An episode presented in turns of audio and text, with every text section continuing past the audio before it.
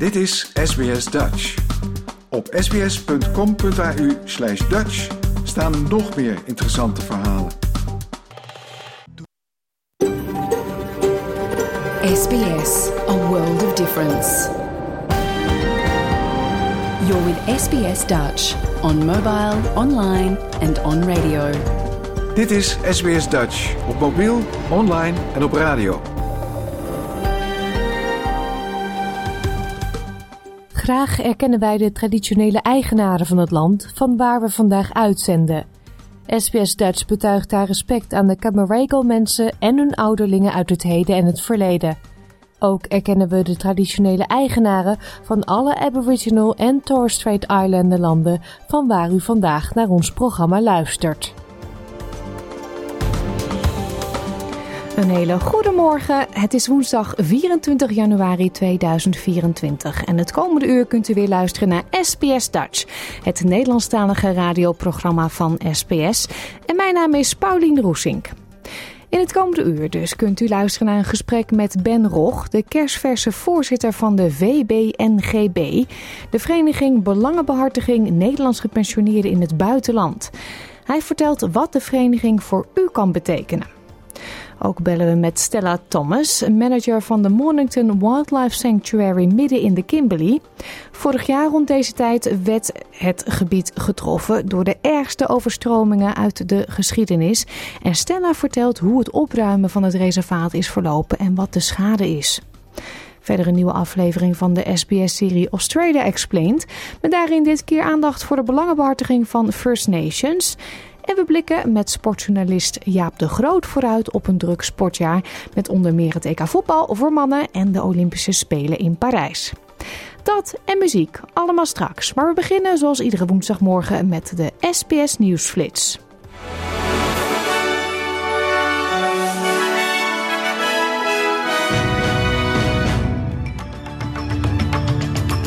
Dit is de SBS Nieuwsflits van woensdag 24 januari. Mijn naam is Paulien Roesink.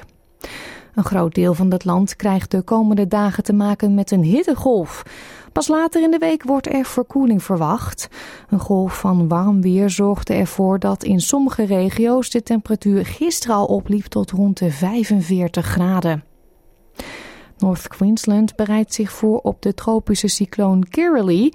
Naar verwachting komt die donderdagavond of vrijdagochtend vroeg aan land. Volgens het Bureau of Meteorology neemt het tropische lage drukgebied meer tijd om aan kracht te winnen. Aanvankelijk werd voorspeld dat de storm donderdagavond al de kust tussen Cardwell en Ailey Beach zou bereiken als een categorie 3. Premier Anthony Albanese heeft de veranderingen in zijn derde fase van belastingverlagingen verdedigd en zegt dat het van cruciaal belang is om rekening te houden met de behoeften van worstelende, worstelende lage en middeninkomens.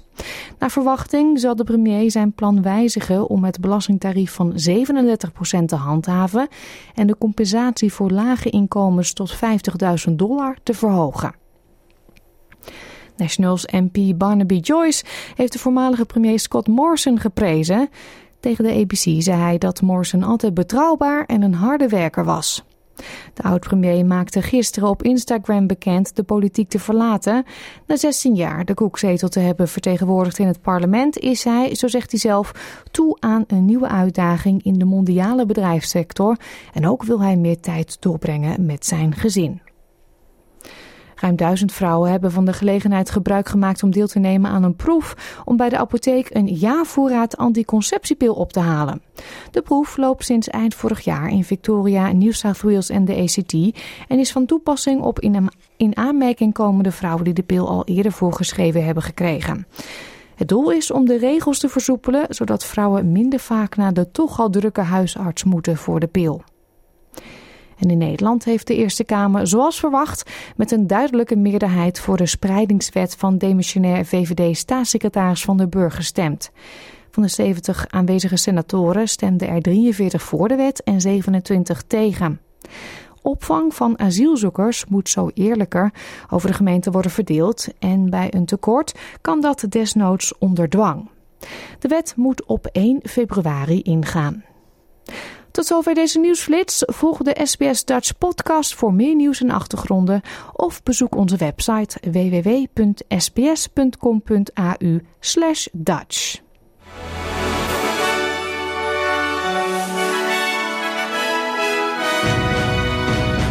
Gaan we verder met achtergronden bij het nieuws.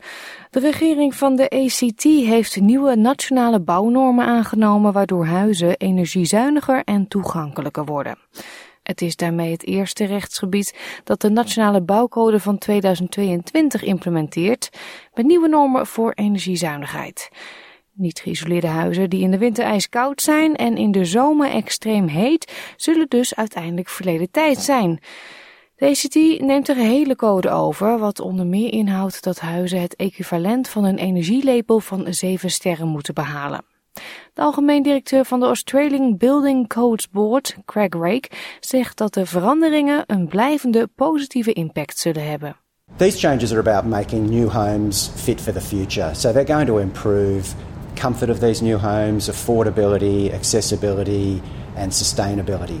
These are a great uh, set of new changes. They'll improve the energy efficiency for homes, and these benefits will flow through to the people who use the homes. So, we're talking about benefits for renters, benefits for owners, benefits for visitors. It's one of the few areas that we can very directly get assistance into household budgets.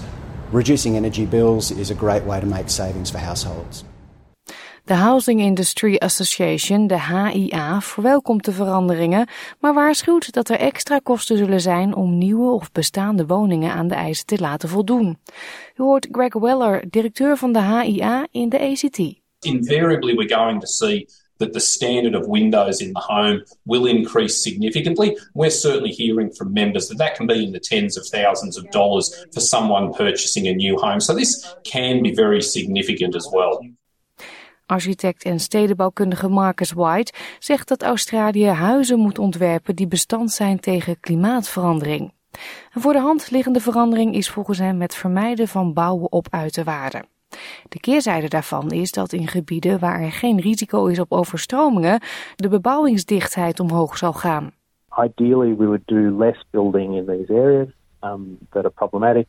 We would densify where not um, in flood zone. So that means um, accepting some change in some uh, suburbs that are more established.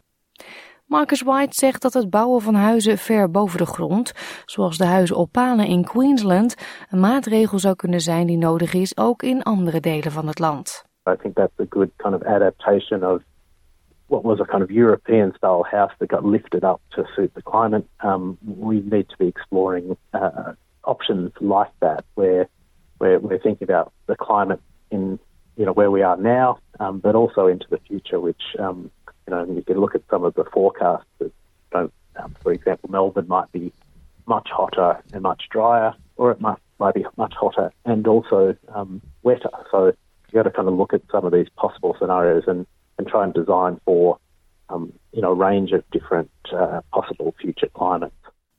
Dit was een verhaal van Greg Dayet en Kath Landers voor SBS Nieuws in het Nederlands vertaald door SBS Dutch. Een jaar geleden werden er ernstige overstromingen in de Kimberley in de WA. Het gebied dat onder water kwam te staan door aanhoudende zware regen als gevolg van cycloon Ellie was groter dan heel Groot-Brittannië. Australian Wildlife Conservancy's Mornington Wildlife Sanctuary, dat op 8 uur rijden van Broome ligt, werd ook getroffen. Gisterenmiddag belden we met Sanctuary Manager Stella Thomas en zij vertelde over de hulp die het team kreeg bij het opruimen en de waardevolle data die door de overstromingen helaas verloren zijn gegaan. SBS Dutch, woensdag en zaterdag om 11 uur ochtends of online op elk gewenst tijdstip.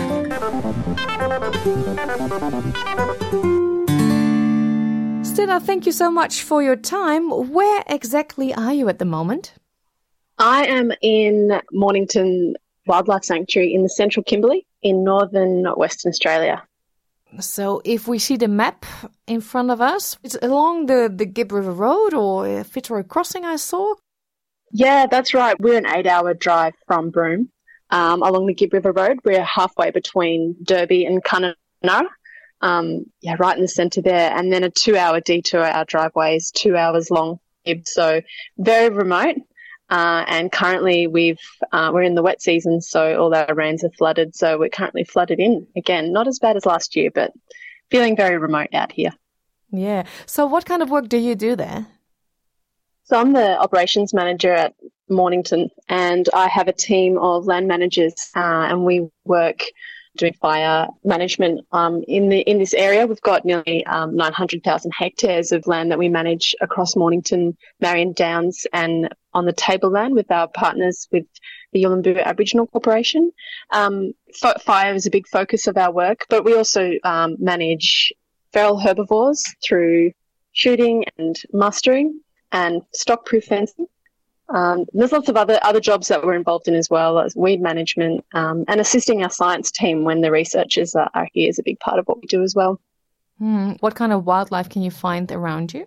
Uh, it's a very diverse, unique place up here, and and, and as we you live out here through the year, you'll notice that the wildlife really does come and go with the weather.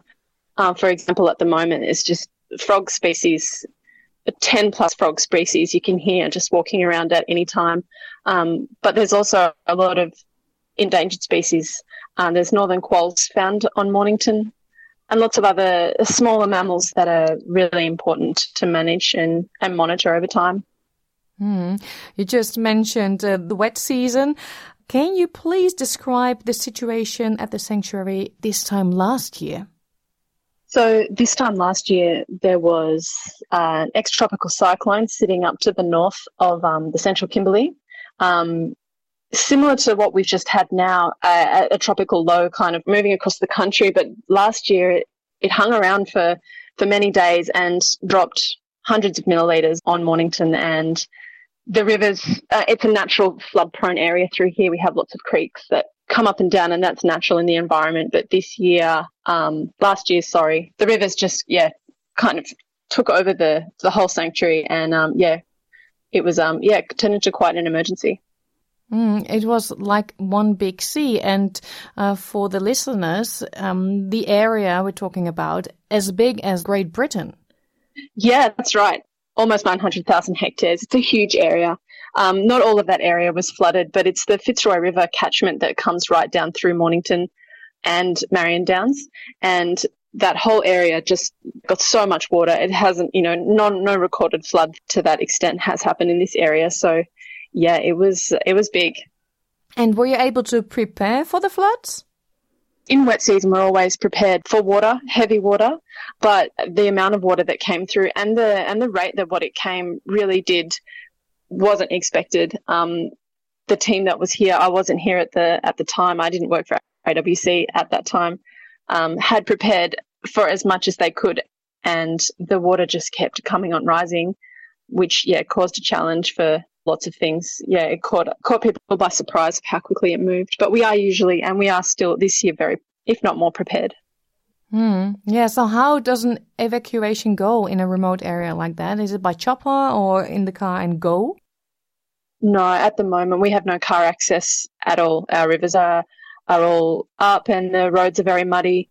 Um, we do have an airstrip, but when the rivers are high, you can't access it. So evacuation is by helicopter.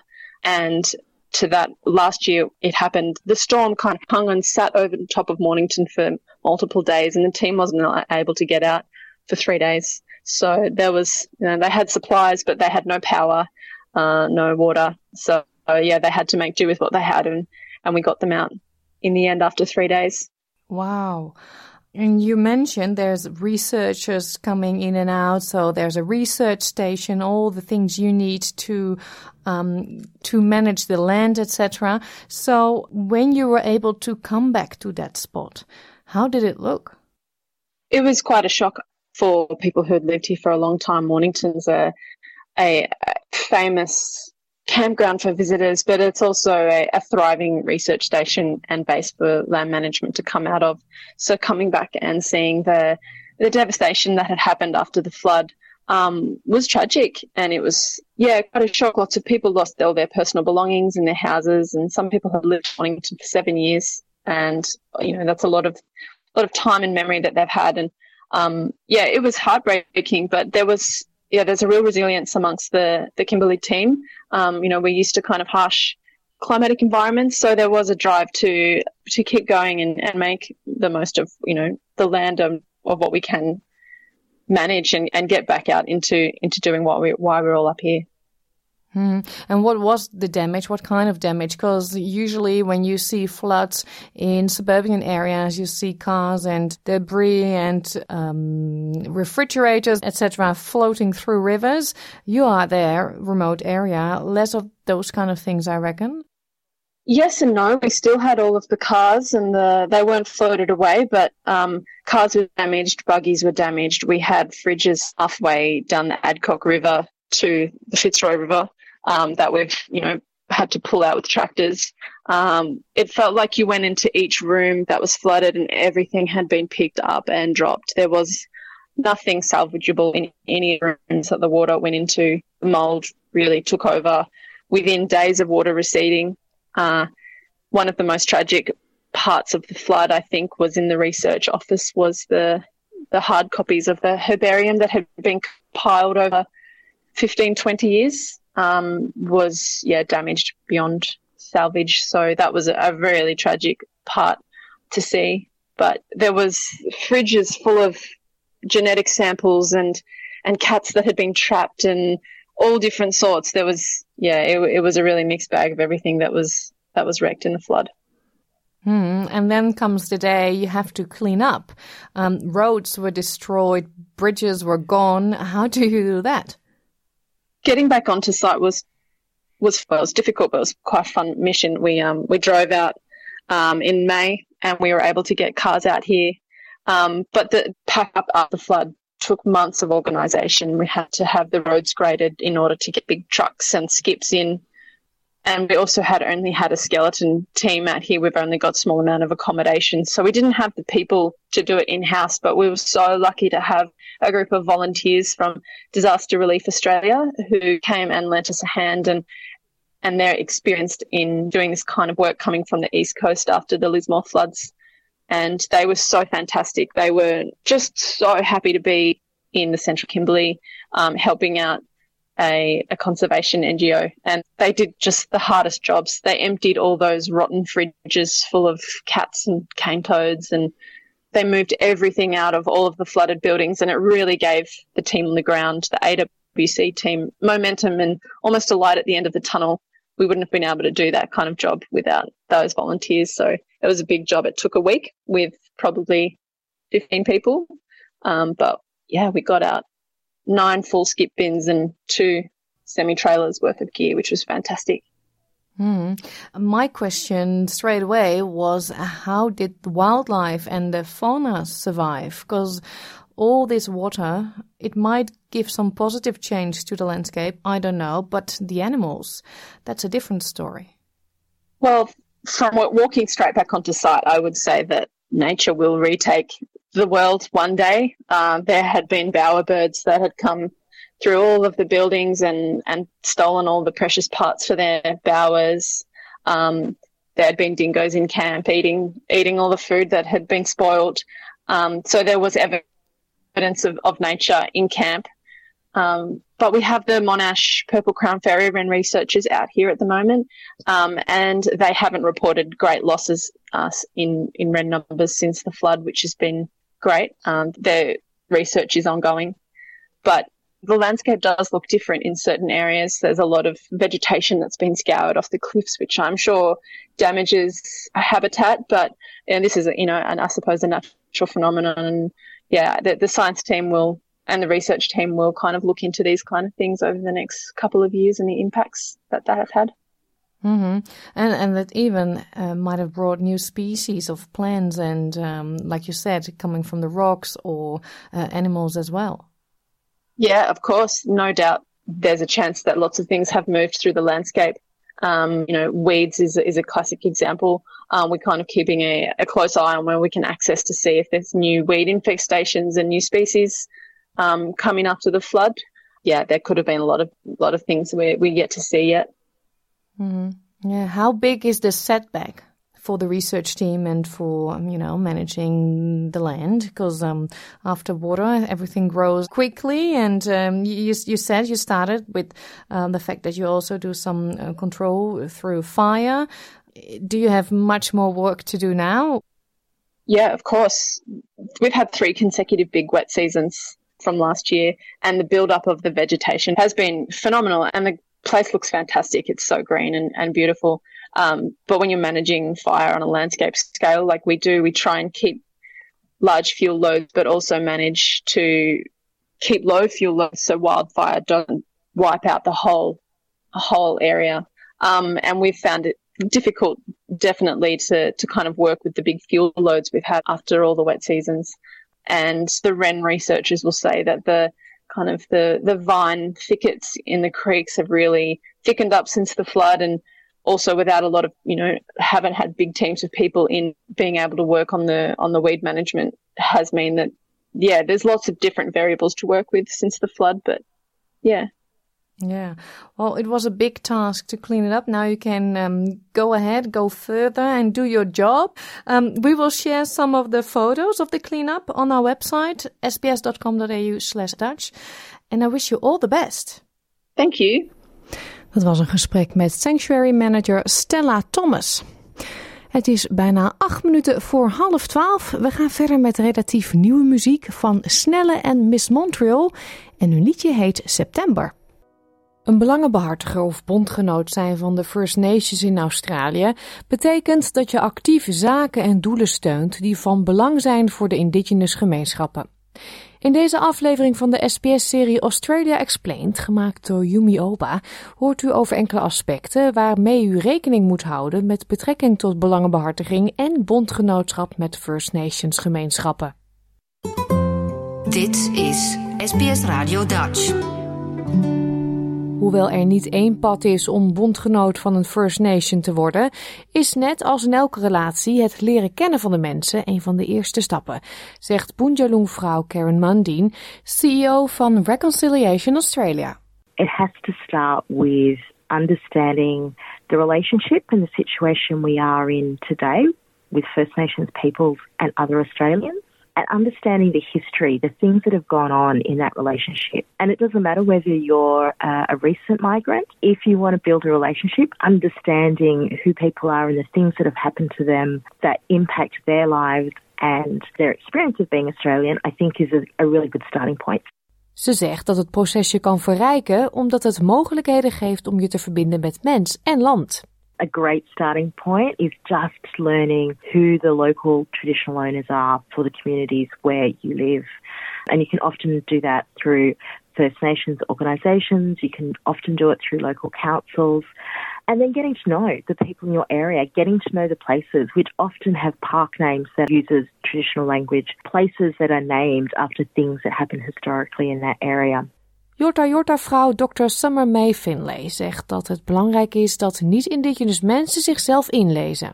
Uh, an ally is someone who takes the time to educate themselves because, as only 3% of the population, if we tried to educate everybody, we'd be doing nothing else. That includes sleeping and eating. So, really, the starting point is going to trusted sources Reconciliation Australia or your date-based reconciliation council a really good starting point. Uh, I highly recommend them. Gamila Raiman Luke Pearson is oprichter van Indigenous X, een online platform dat diverse indigenous stemmen laat zien en viert. Hij zegt dat we eerst alle individuen als gelijken moeten zien voordat we de geschiedenis leren kennen. If you come from a place of dignity, respect, love, appreciation and an understanding that all peoples are fundamentally equal. And whatever differences we see in our culture are not a reflection of, you know, better, worse, superior, inferior in that way, then you're off to a good start. But if you don't have that, then it really doesn't matter what you learn, what you experience. It's always going to come through uh, ultimately in finding ways to validate, justify, you know, racism. Hoewel iedereen een rol kan spelen in positieve verandering, vermijdt hij liever het term bondgenootschap. The reason I don't like that terminology is to try to decenter non-Indigenous people from the cause for Indigenous justice. And so if you're doing good things and you're helping, that's great. but you shouldn't need a label or a sticker or making it about you in that way. The goal is not for you to feel good. The goal is to improve outcomes for Indigenous people. Een goede bondgenoot is iemand die de grenzen kent van wat het betekent om een bondgenoot te zijn. U hoort nogmaals Dr. Finlay. So we don't need someone to step into the realm of trying to behave like an Indigenous person. What we need is people who recognise they're not First Nations and also recognise when it's a First Nations person that should be speaking, and, and in that, make sure that they're actually then proactively identifying people that should speak on their behalf. CEO van Reconciliation Australia, Karen Mundine, zegt dat vluchtelingen en migranten kunnen putten uit vergelijkbare levenservaringen om betere resultaten te bereiken. Whether it's experiences of racism, limited in where they're able to travel or go or visit, who have been kept away from their homelands. These are things that are similar experiences and I think there's things that we can then collectively build from. I think it's important for other communities to ask their community representatives to formally support First Nations organisations. Invite First Nations peoples to come speak to your community organisations, to your churches, temples, mosques. En het werkt twee kanten op. Many First Nations people are more than happy to support migrant communities and, and the, the struggles and the challenges that they're facing. Het voorste parlementreferendum van vorig jaar bood een goede gelegenheid om meer te leren over en je te verdiepen in First Nations people, evenals een kans om relaties op te bouwen. En dat blijven doen is essentieel voor de toekomst van het moderne Australië, zo zegt mevrouw Mundine. If we want to build a modern, diverse nation that is proud of its multiculturalism, it has to start with the first Australians and recognizing this is a, connection that goes back 65,000 years plus. And if we can build on the wisdom of the world's oldest continuously connected culture, I'm sure that creates so many opportunities for us as a modern nation into the 21st century and beyond. Het is nu al smullig geblazen voor tennisliefhebbers met de Australian Open, die op dit moment in volle gang is in Melbourne. Maar naast de gebruikelijke competities en toernooien staan er dit jaar nog twee grote sportevenementen op de kalender: het EK voetbal voor mannen in Duitsland en de Olympische Zomerspelen in Parijs. Sportjournalist Jaap de Groot, die sprak ik onlangs en hij zei dat hij er alvast heel veel zin in heeft. Het is een Olympisch jaar en dat is altijd, uh, daar kijk ik altijd naar uit. Want uh, ja, ik ga ook naar Parijs. Hè, dan, uh, eind juli, begin uh, augustus. En ja, er wordt toch weer de toon gezet voor de komende jaren wat de topsport betreft. Zeker, zeker global. En ja, daar kijk ik altijd naar uit. Ik ben altijd benieuwd. Ik wil graag verrast worden. We hadden natuurlijk in Tokio de nieuwe sport skateboarden. Daar won een Japanse van 12 jaar goud. Ja, en toen ging in de merchandising ging de verkoop van skateboarden wereldwijd ging het door het dak. En uh, uiteindelijk bleek zo'n zo'n zogenaamde bijsport bleek ineens de, de grootste commerciële waarde vanuit de speler gecreëerd te hebben. Dus ja, dat is verrassend. En we hebben nu natuurlijk ook weer allerlei nieuwe sporten die, die getest gaan worden. Onder andere breakdance. Mensen lachen er nu om. Ik laat me graag verrassen. Misschien is het niks, maar misschien worden we erdoor verrast. Dus kom erop. En natuurlijk het EK met het Nederlands elftal zit eraan te komen. En ja, alles ertussendoor. Het, is, het gaat achter elkaar door, want we hebben dan het EK begint in juni. En dan hebben we twaalf dagen tussen de Spelen. Maar ja, dan hebben we dan Wimbledon en, en de Tour de France nog, nog vinden dan nog plaats. Dus ja, never a dull moment. Ja, we gaan het volgen hier in Australië. Uh, het EK voetbal, dat noemde je net al. Wij hebben natuurlijk nog steeds dat vrouwenvoetbal in ons geheugen. Dat leefde hier enorm aan deze kant. Ja. Hoe zit dat nu met het EK? Nou ja, het, vrouwenvoetbal leeft natuurlijk ook nog in Nederland. Omdat we binnenkort hebben we de laatste kwalificatiewedstrijd voor de Olympische Spelen. Ja. Een hele rare constructie is daar bijvoorbeeld bedacht. En Nederland heeft dan gelood tegen de wereldkampioen Spanje met een wedstrijd in Spanje. Daar hangt het dus vanaf of Nederland naar de Spelen gaat. Het zou, ja, het zou natuurlijk gezien het traject wat ze gevolgd hebben met uitschakeling van Engeland. Het is bizar dat het zo moet lopen. Maar goed, uh, ze krijgen nog een herkansing, omdat uh, Frankrijk als organisator rechtstreeks geplaatst is. Maar, maar het is wel heel gek. Maar Dat is de eerste stap die we gaan zetten richting uh, Parijs. En dan krijgen we natuurlijk het EK. En ik moet eerlijk zeggen, ik heb het al een paar keer in uh, diverse analyses die ik gedaan heb hier in Nederland ook aangegeven. Het wordt echt natte vingerwerk. We zitten nu in januari. Niemand kan uh, met zijn volle verstand voorspellen wat, hoe Nederland gaat doen. Omdat als je de kwalificatiereeks van Nederland zelf gevolgd hebt. Ronald Koeman heeft een half jaar lang niet één keer over zijn fitte selectie kunnen beschikken. En, en het wordt echt een kwestie, uh, ook met het kiezen van de favorieten uh, tijdens het EK in Duitsland straks. Wie zijn er fit? Is Mbappé fit? Dan is Frankrijk favoriet. Zit Mbappé er niet bij, krijg je een andere ploeg. Hetzelfde geldt voor Spanje, hetzelfde geldt voor Portugal, hetzelfde geldt voor Duitsland, hetzelfde geldt zeker ook voor Nederland. En dan zie je toch weer dat uh, ja, de discussie over het stamvolle wedstrijdprogramma in de hand gewerkt door de UEFA en de FIFA, die een soort red race met z'n tweeën zijn gestart. Ten koste van de clubs, die dan uh, de, eigen, zeg maar, de werknemers zijn van de spelers. Dus dat uh, enkele weken geleden uh, de deur werd geopend via het Europese Hof in Brussel om de Super League te organiseren.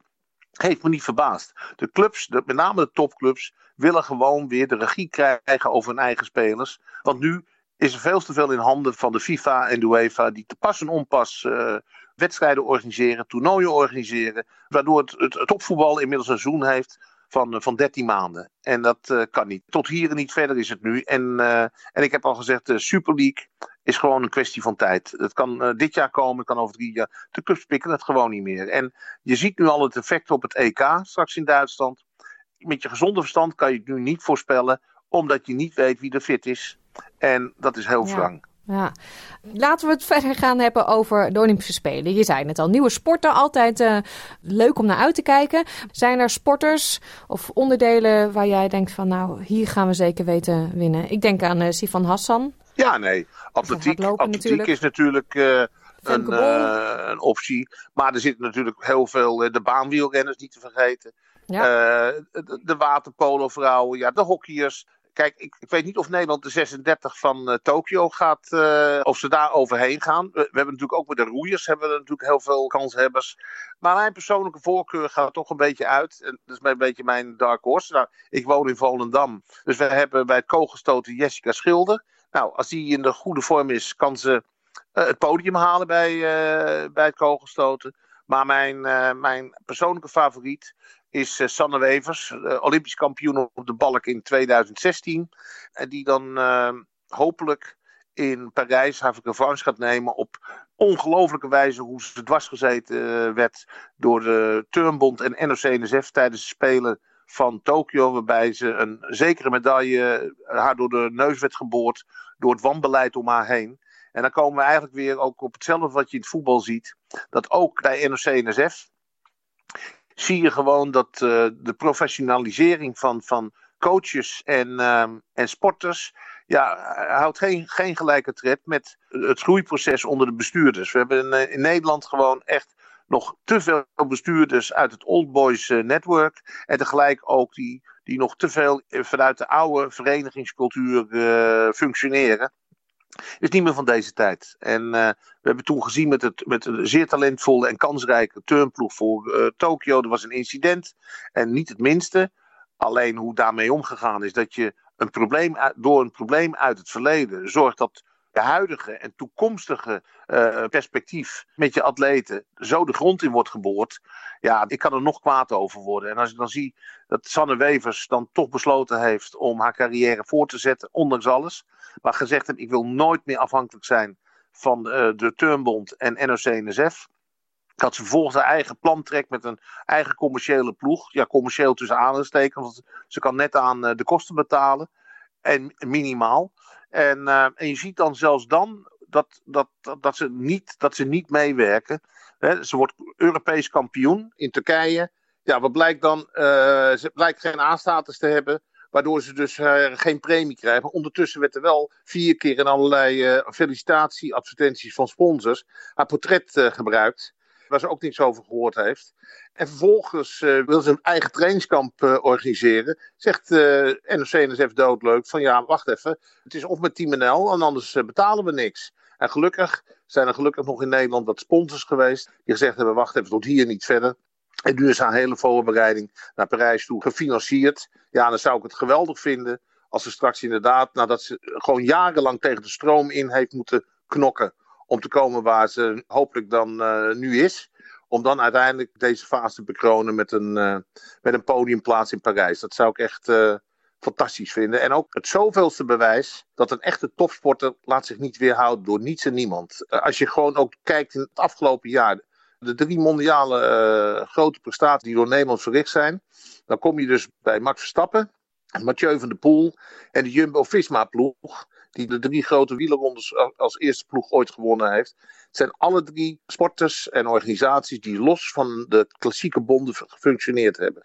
Max Verstappen heeft totaal geen band met de Nederlandse Autosportfederatie. Mathieu van der Poel gaat zijn eigen gang. En Jumbo-Visma functioneert ook volledig los van de KNWU. En ik ben bang dat dat ook de toekomst gaat worden. Dat uiteindelijk de topsport zich gaat uh, losrukken van uh, bonden die hun uh, prestaties belemmeren. Om uiteindelijk gewoon via hun eigen weg gewoon toch die top te bereiken. En ik hoop dat Sanne Wevers diezelfde gang gaat volgen. En daarin een nieuwe toon zet in de Nederlandse topsport. Ja, je noemt Max net al. Verstappen, gaat hij dit jaar weer zo domineren? Ja, nou goed, Max zal zeker weer voor de titel gaan. De, die, die, uh, zijn bolide is, is en blijft natuurlijk van buitengewone klasse. Alleen ja, je weet natuurlijk niet wat de concurrentie gaat doen. Die zit ook niet te slapen. Maar ja, het zal altijd, hoe goed de wagens van de concurrentie ook zijn. De rijden Max Verstappen, ja, daar zit nog wel iets extra's op. Het voordeel wat je dan met je auto hebt, ja, dat wil nog niet zeggen dat je daarmee het gat in kwaliteit met Max Verstappen gaat overbruggen. Dus, uh, maar het wordt, ja, hij is al zo lang ongeslagen. Het moment dat hij uh, geklopt gaat worden, komt steeds dichterbij. Maar ik moet eerlijk zeggen, ik heb nog altijd goede hoop dat hij zijn vierde achtereenvolgende titel gaat halen. Dankjewel Jaap, heel veel om naar uit te kijken. Je zei het al, um, en we zijn vast nog hele mooie toernooien vergeten. Uh, je noemde al Wimbledon en we hebben natuurlijk ook nog Roland Garros. En oh, nou, het is boordevol voor de sportliefhebbers. Ja, maar, maar dan moet je, ook, moet je ook reëel in zijn. Dat zou echt een stunt zijn als Nederlanders daar zouden pieken. Maar als je gaat kijken naar de mondiale toernooien, dan zie je Max met uh, de Formule 1. Het EK voetbal, nou ja, nogmaals, dat heb ik al aangegeven. Dat, dat uh, wordt afwachten, want uh, is, is de paaien beschikbaar, is Van Dijk beschikbaar. Je moet allemaal kijken hoe, uh, want je moet niet vergeten, op 14 juni begint al het EK, terwijl op 31 mei nog de Champions League finale wordt gespeeld. Dus als daar Nederlands nog in actie komen, blijkt dat sleutelspelers van Ronald Koeman een deel van de trainingskamp en de voorbereiding op het EK hebben gemist. Zo krap zit die kalender al in elkaar. Nou, dan krijgen we de Olympische Spelen. Kijk, wat ik al aangegeven heb, ik kijk er naar uit. Ja, en dan hebben we de Tour de France en, en uh, met Jumbo-Visma weer. Ja, hopen dat er eindelijk weer een, een renner uh, wat dichterbij gaat komen. Ja, en dan hebben we natuurlijk het fenomeen. We hebben het over het fenomeen Max Verstappen gehad. Maar we hebben natuurlijk ook het fenomeen Mathieu van der Poel. Ja. Die niet alleen de voorjaarsklassiekers, uh, daar gaat hij niet alleen voor. Maar hij wil ook natuurlijk voor goud gaan in, in Parijs. Gewoon gekroond worden op de Champs-Élysées als de nieuwe Olympisch kampioen. Ja, wat een mooie vooruitzichten. U hoorde het Jaap al zeggen. Het EK in Duitsland begint op 14 juni. Die finale wordt precies een maand later gespeeld op 14 juli. Nederland zit in de pool met Frankrijk en Oostenrijk. De derde tegenstander is nog niet bekend. En Nederland komt voor het eerst in actie op 16 juni. De Olympische Spelen worden gehouden van 26 juli tot en met 11 augustus in Parijs dus. Muziek nu van de Belgische zanger Wiltura. Dit is de vreugde van de winnaar live. De vereniging Belangenbehartiging Nederlands Gepensioneerden in het Buitenland, kortweg de VBNGB, verbreedt haar horizon. Waar de vereniging zich voorheen alleen richtte op Nederlandse gepensioneerden in Europa, komt de Belangenbehartiger nu op voor alle Nederlandse gepensioneerden, dus ook die hier in Australië. Eerder deze week belden we met ter kennismaking met de nieuwe voorzitter van de VBNGB, Ben Rog. Hoe kan zijn vereniging gepensioneerden hier helpen? Jouw gemeenschap, jouw gesprek, SBS Dutch. Ben Rog, jij bent sinds kort de voorzitter van de VBNBG. Wat doet die vereniging precies? Uh, die vereniging die behartigt de belangen van gepensioneerden die woonachtig zijn in een ander land dan Nederland. En die over het algemeen ook een pensioenuitkering hebben. Daarnaast zijn we ons wat meer gaan richten ook op de mensen die nog niet een pensioen hebben, maar wel in het buitenland wonen. En daarvoor is er ook een samenwerking met, uh, wordt er ook de samenwerking met goed. Daar zijn we wat aan het versterken. En het heeft dan met name te maken dat wij ons bezighouden met advisering over het belastingrecht, de belastingverdragen en de sociale zekerheidswetgeving. Ja, nou heb je het over wij. Uh, wie zijn wij? Wie zit er achter de vereniging? Het is begonnen destijds toen de zorgverzekeringswet werd ingevoerd in Nederland. En dat men uh, premie moest betalen in Nederland, maar dat het woonland de zorg verzorgde, om het zo maar even te zeggen. Nou, daar kwam een hoop conflict uit voort en toen is er een stichting opgericht. De SBNGB, Stichting Belangenbehartiging Nederlandse Gepensioneerden in het Buitenland. Later is dat omgezet in een vereniging en dat is de VBNGB, dus de Vereniging Belangenbehartiging Nederlandse Gepensioneerden in het Buitenland. En die doelstelling is toen ook vooruit. Nou, daar hebben we het net al even over gehad. Dat is dus meer een algemene belangenbehartiging geworden, om het zo maar even te zeggen. En dat, dat houdt dan in dat wij uh, we informeren, met name over wetswijzigingen, uh, ook, met name ook natuurlijk in het Europese recht. Um, we beantwoorden vragen die worden gesteld door de leden, maar ook door de niet-leden. We wijzen soms de weg en soms procederen we. Ja. Ja. En eh, is er een, uh, een cijfer op uh, te plakken hoeveel Nederlandse gepensioneerden er niet in Nederland wonen? Ja, dat zijn er ongeveer 340.000. Dat zijn er best wat. Dat zijn er best behoorlijk veel. Nou, het, in totaal wonen er volgens de CBS 850.000 Nederlanders in het buitenland. Daar zitten natuurlijk een hoop dubbele paspoorten bij, om het zo maar eventjes uit te drukken. Dus die niet geboren zijn in Nederland, maar die wel Nederlanders zijn geworden en vervolgens weer teruggaan. Kijk naar uh, de mensen uit Turkije of de, de gastarbeiders uh, destijds die allemaal teruggaan naar het woonland. Maar er zijn ook al heel veel, 340.000 gepensioneerden volgens de SPB, hè, die dus AOW krijgen en die wonen in het buitenland. Ja, er zitten natuurlijk ook mensen tussen die gewoon terug zijn uh, naar het geboorteland. Mm. En dan zijn er natuurlijk nog heel veel mensen die in de toekomst gepensioneerd gaan zijn. Uh, gaan zijn, worden allemaal ja, ouder, precies. gelukkig. Ja, als ja dat klopt. Um, ja, en, en, wat zijn nou dingen waar mensen dan tegenaan lopen nu ze in het buitenland wonen? Nou, dat zijn eigenlijk best wel heel veel dingen hoor. De zorgverzekeringswet waar je dus uh, die dus in ieder geval, waar ik net al even heel kort uh, iets over schetste.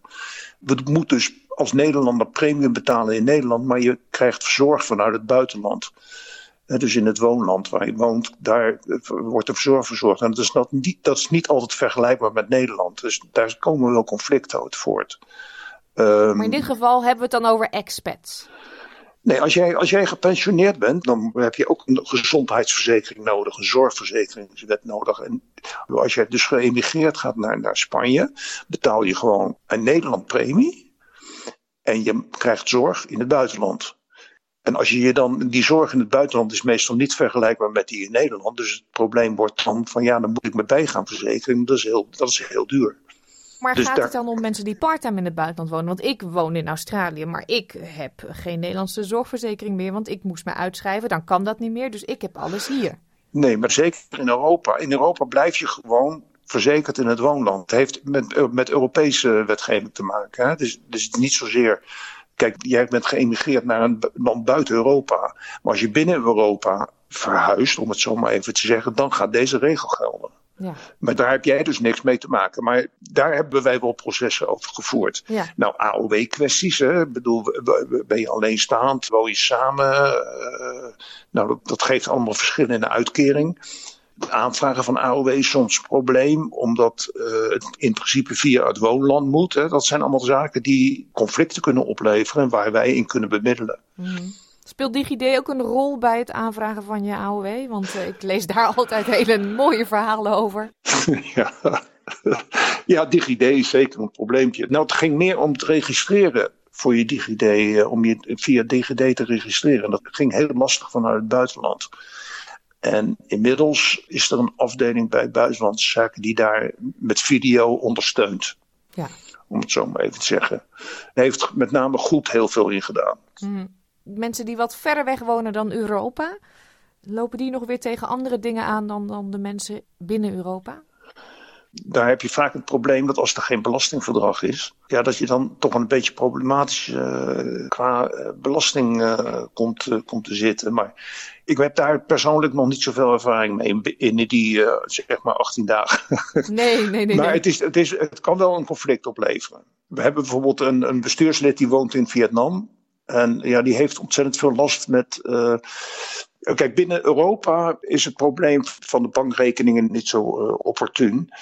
Maar in verband met dat wistwasverhaal uh, worden mensen soms geconfronteerd met het feit dat hun bankrekening wordt geschrapt. Omdat er niet kan worden gecontroleerd hoe die, hoe die geldstromen gaan.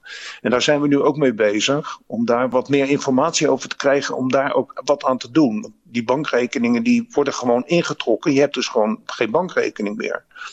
Dat zou bijvoorbeeld in Australië ook wel aan de orde kunnen zijn.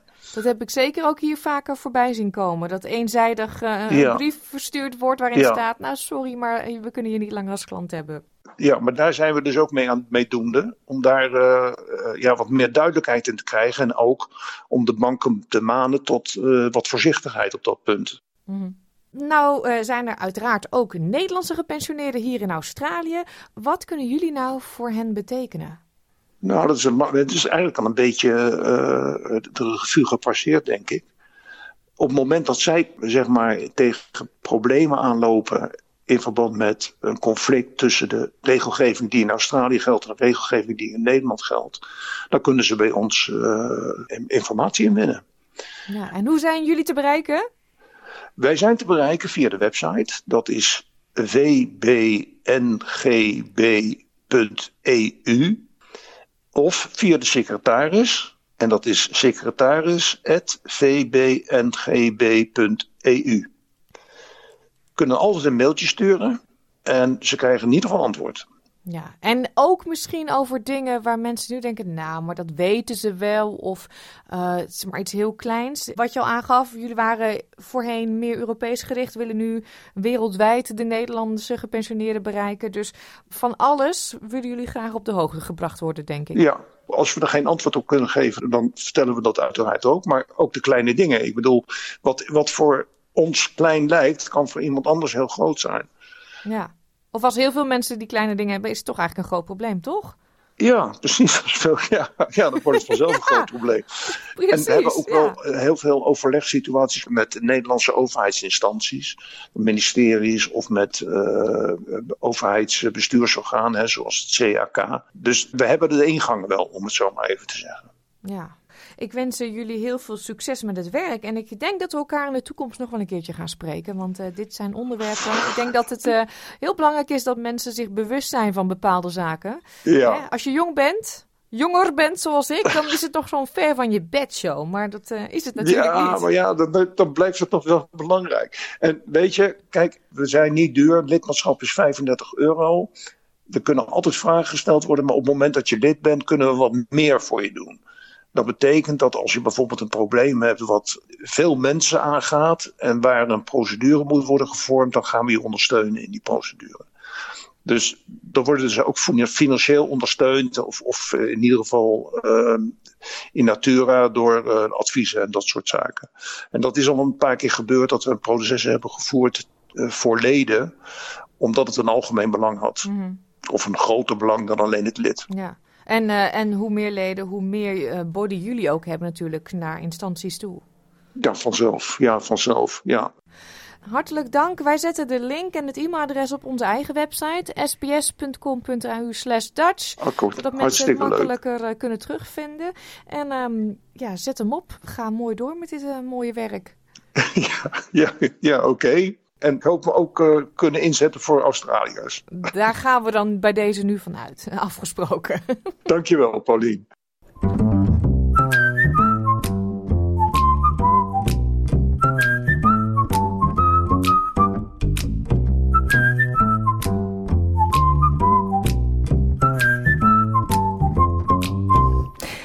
En tot zover deze uitzending van SBS Dutch van woensdag 24 januari.